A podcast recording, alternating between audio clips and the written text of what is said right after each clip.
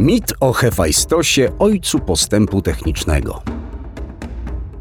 Cześć, Zeus! Przywitał się Hefajstos, wchodząc na Olimp. Nie mógłbyś do mnie mówić gromowładny? Bo to byłoby okazywanie szacunku takiemu boskiemu władcy jak ja, zamarudził Zeus.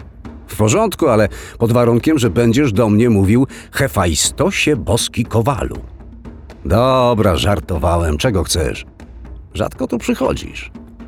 Bo mi szkoda czasu na wasze czczechulanki. Ale z tego, co słyszałem, bardzo się twoim gościom podobały moje samobieżne trójnogi. To prawda, zrobiły furorę, podjeżdżając z jadłem i odjeżdżając, kiedy były puste. Powiem ci, nieźle to wymyśliłeś.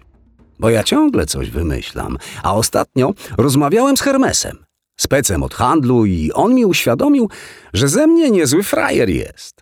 Jeśli mogę użyć takiego słowa, ogromowładny. Przestań kpić. Dlaczego frajer? Bo ja te wszystkie wynalazki oddaję wam, bogom, za darmo. A przecież innowacyjność jest w cenie.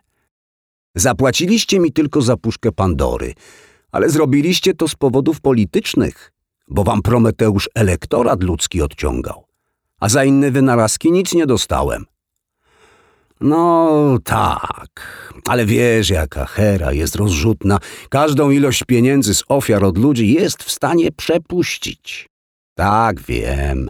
Głównie na opłacanie donosicieli i kompromitowanie wrogów politycznych.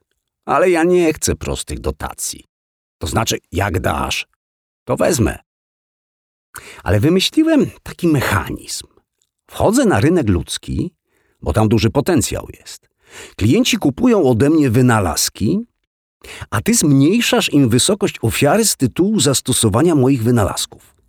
Ludzie kupują i świat staje się nowocześniejszy, a ty możesz opowiadać, że jesteś nie tylko gromowładnym, ale i innowacjowładnym.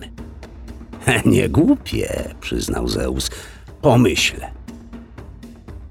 Nie wiadomo, czy Zeus wdrożył pomysł Hefajstosa, ale wiadomo, że Hefajstos jest nie tylko ojcem kowali, ale i ojcem polskiej konstrukcji ulgi na robotyzację.